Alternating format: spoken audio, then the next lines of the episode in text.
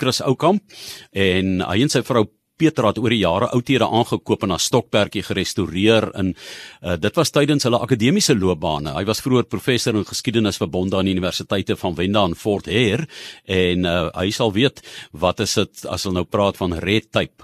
Dan sal hy weet maar uh, Chris die erfeniswet nommer 25 van 1999. Ons gaan 'n bietjie daaroor gesels vandag hierso want dit raak baie mense wat plekke wil aankoop of dink o, hier's 'n hier's 'n lekker plek as ek net daai huis kan sloop, dan kan ons ons nou hier 'n mooi woonstel bou. So ek wil graag van jou hoor. Erfeniswet nommer 25 van 1999. Wat is die doel van die wet? Hallo Johan en hallo luisteraars.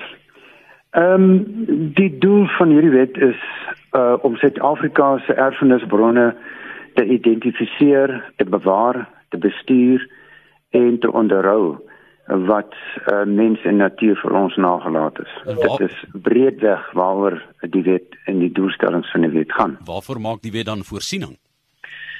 Ehm um, Johan maak basies vir drie dinge goed as jy net die wet bekyk, redelike lang wet.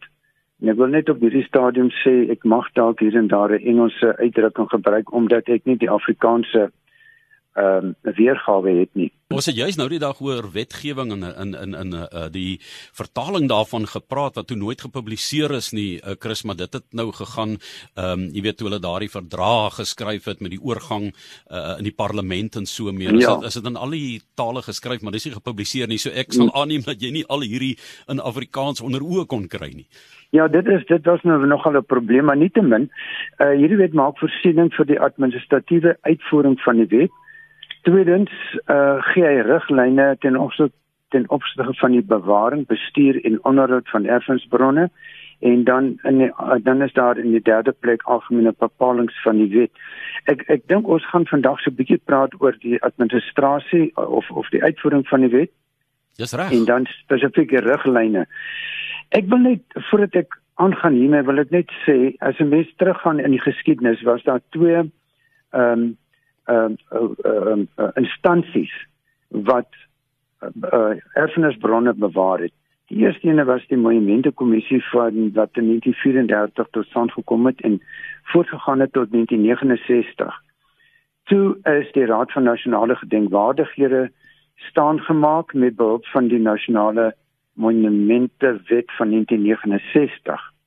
En dit het voortgegaan tot 31 Maart 2000 en toe het SARA En dis waar my eerste Engelse uitdrukking gaan kom. SARA staan vir die South African Heritage Resources Agency. Dit was 'n opvolg van die ander twee wat ek nou net genoem het. En uh dit was met behulp van hierdie wet wat ons vandag na uh kyk en waaroor ons 'n bietjie gesels.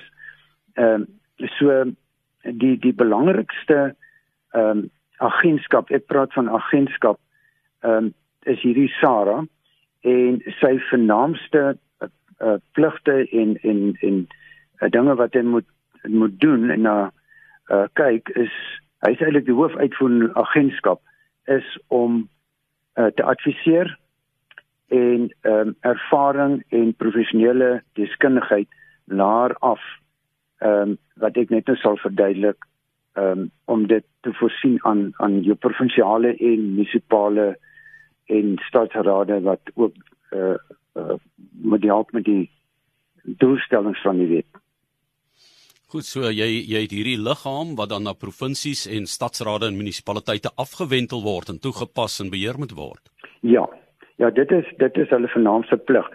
Maar die belangrike ehm uh, ehm um, agentskappe, elke provinsie het 'n agentskap. Die wet maak voorsiening vir elke provinsie en hy ehm um, moet dan toesien dat die erfenisbronne bewaar word en omgesien word en geïdentifiseer word saam met staatsrade en munisipaliteite. Hierdie agentskap verskil in wese met die vorige twee wat ek genoem het.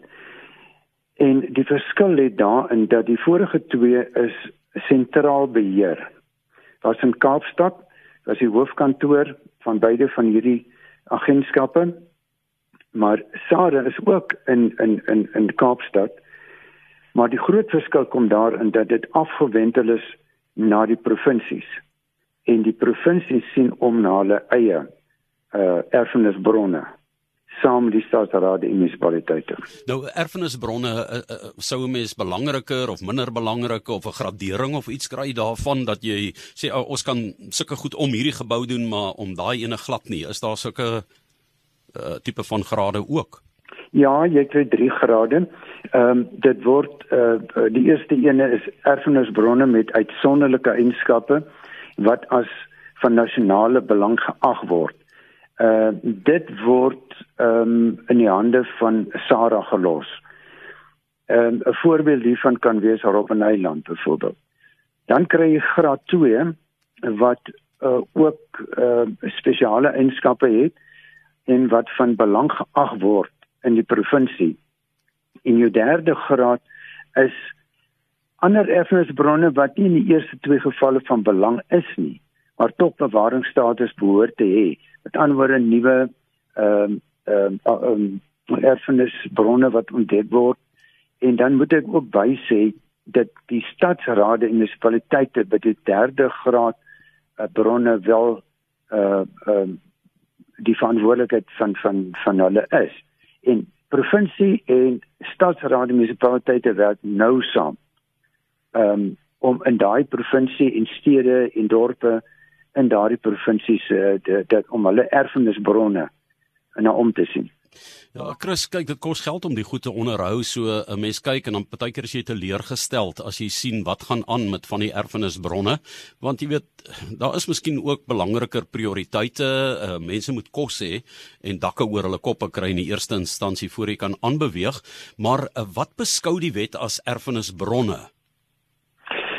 Ehm um, die monumente kommissie en die raad van uh, op nasionale van nasionale gedenkwaardighede het oorsaaklik maar geboue en strukture na na omgesien en voorsiening gemaak uh vir, vir dit. Maar dis ook 'n geweldige groot verskil van hierdie wet met die ander uh, wet van 1969. Hierdie wet maak ook voorsiening vir ehm um, baie meer as net geboue.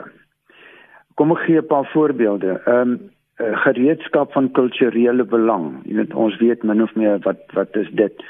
Ehm um, mondelinge tradisies is 'n ander krities baie belangrike ding want voor die koloniale periode begin het hier was daar uh, niks opgeteken en niks was gedokumenteer nie.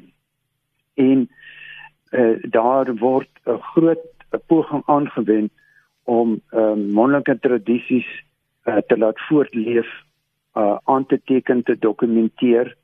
Ehm um, dit dit is iets wat nooit in die verlede aandag gehad het nie wat nou ernstige aandag kry. Ons dus weet nou die brand wat die onlangs was. Ja. Ek het verstaan daar was 'n groot verlies aan aan aan 'n groot hoeveelheid uh mondelingoorleweringe wat opgeteken was en wat nou tot nie is. Mense hoop maar dit op 'n ander manier bewaar. Bewaar, ja, maar tale het ook al onder geweldige druk gekom omdat dit gepraat word maar nêrens neergeskryf hoe dit gepraat word die van ons inheemse tale wat nou al uitsterf. So Precies. mondelinge tradisies ongelooflik belangrik om histories ja, baie baie neer te skryf, net wat ouma en oupa uh, vertel. Is jy weer? Om histories neer te skryf wat ouma en oupa ja, vertel. Ja, ja, ja, dit is dit is 'n baie baie belangrike een. En dan uh, kan ons praat ook van historiese nedersettings. En as ek nou vinnig moet dink dan dink ek ook nou 'n brandgeval by Woopertaal. Ehm um, ons ons dink aan aan aan ander nedersettings soos ek dink maar hier in die Weskaap en dit is maar min waar ons bly en, en wat ek kennis van dra. Ek ek dink aan Genadendal, Mamre, ehm um, Elim, ja, daai dit dit is historiese nedersettings. Jy kry ook die geologiese, argeologiese en paleontologiese terreine wat ook nie in die vorige bedeling ter sake was nie. En uh, dit is dit is hierdie goed wat 'n bydraende faktor is by by by die uit uitleef van hierdie wet en van ons kultuurbronne. Ehm um, ek dink byvoorbeeld aan aan grafte. Grafte was altyd die verantwoordelikheid van die munisipaliteite, maar kyk hoe gaan dit deesdae. Ek ons praat van terreine van slawerny, ook nie iets wat in die vorige bedeling ter sake was. Ehm um, so daar is daar is baie bronne, beweegbare voorwerpe in water en grond. Jy dink aan wrakke uh, langs die kus. Laat my dink aan daai een wrak, 'n uh, skepswrak wat omtrent 'n kilometer of 'n halwe kilometer in 'n Namibiese woestyn lê. Daai is nou in in in 'n historiese bron of 'n uh, erfenisbron wat op land lê, maar dit is eers in die water. Ja, die Edward Bowlen, hè? Die Edward Bowlen, die Edward Bowlen. Uh ja. Ja. Ja. En dan kry jy ander dinge soos dekoratiewe kunsvorme, rotskuns, uh militêre voorwerpe wat in die grond gevind word veral. En, en dan 'n laaste een wat ek net vinnig kan noem is ehm um, boeke, dokumente, video's, films, fotos uh, en dan waarby hierdie mondelinge tradisies wat uh, ter sake ook kom. Ehm um, al hierdie goed word geag as ehm um, erfenisbronne. Nou ons praat met Chris Oukamp en uh, Chris, ons tyd is besig om uit te loop, maar ek dink jy moet tog net vinnig vir ons kyk na die riglyne ten opsigte ja, van die bewaring, het, die bestuur. Ek gaan dit gou kort hou. Yes. Ehm um, vinnig ehm um, alle geïdentifiseerde nuwe erfenishontdekkings moet in die nasionale geset en provinsiale geset gepubliseer word. Niemand mag in of uitvoer van enige uh, erfenisbron nie. Dan ehm um, niemand mag 'n uh, um, erfenisbron beskadig of vernietig of verander nie. Jy moet 'n permit hê en as jy dit nie het nie, kan jy boete opgelê word, kan tronkstraf kry en jy moet gewoonlik die die dit wat jy uh, uh, beskadig het moet jy terugbring na die na die na die oorspronklike. Net 'n laaste vinnige een om al hierdie goed moontlik te maak. Ehm um, as as jy iets wil verander, dan moet jy met jou aansoek 'n verslag indien. En hierdie verslag moet op uh, moet opgestel word deur 'n kundige in in in 'n professionele erfenispraktisyn. Maar ek is byvoorbeeld ook een. Daarvoor moet jy 'n kursus van doen by JCT, moet omslaag, jy moet geakkrediteer word by IPHP. Dit staan vir Professional Heritage Practitioners. Die rede hiervoor was dat ehm um, die die die provinsiale agentskap kan nie self hierdie navorsing doen nie.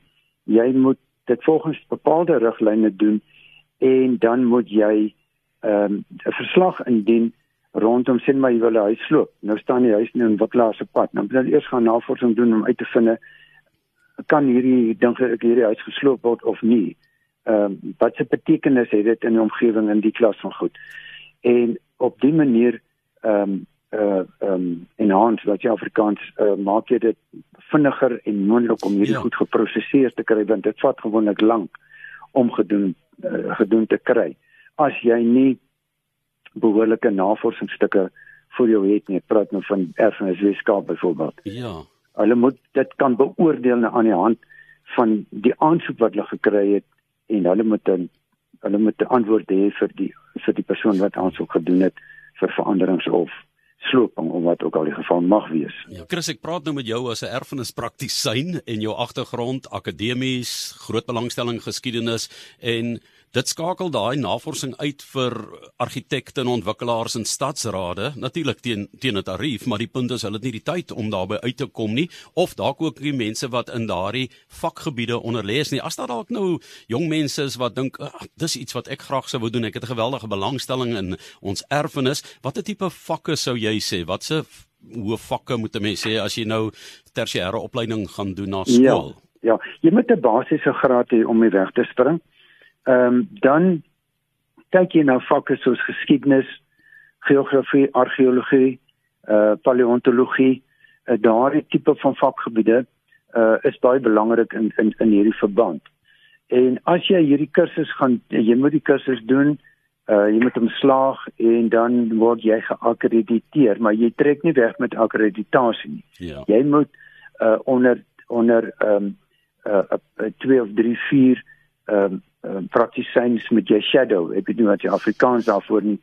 Ehm um, sodat jy dis amper so promotor jy jy skryf 'n teses proefskrif onder die hand saam uh, saam met of, of onder uh, die studieleier. Die studieleier, ja, ja. uh, jy weet ja, en, en so jy moet 'n bietjie riglyne uh, gegee word hoe om dit te doen. Ehm um, en daar is 'n bepaalde metodiek wat jy moet volg. Dit sal afhang van die tipe aansoek, maar daar is 'n basiese metodiek wat jy moet volg en jy moet jy moet kan navorsing gedoen het het in die verlede. Uh jy met die die die die en as dit kom by die geskiedenis, die argeologie en die filologie en geografie daai goed, dan dan is 'n onneers 'n kursus eintlik jou jou beste bet. Ehm um, en ja, dit dit is dit is wat jy nodig het om om om so rigting te doen.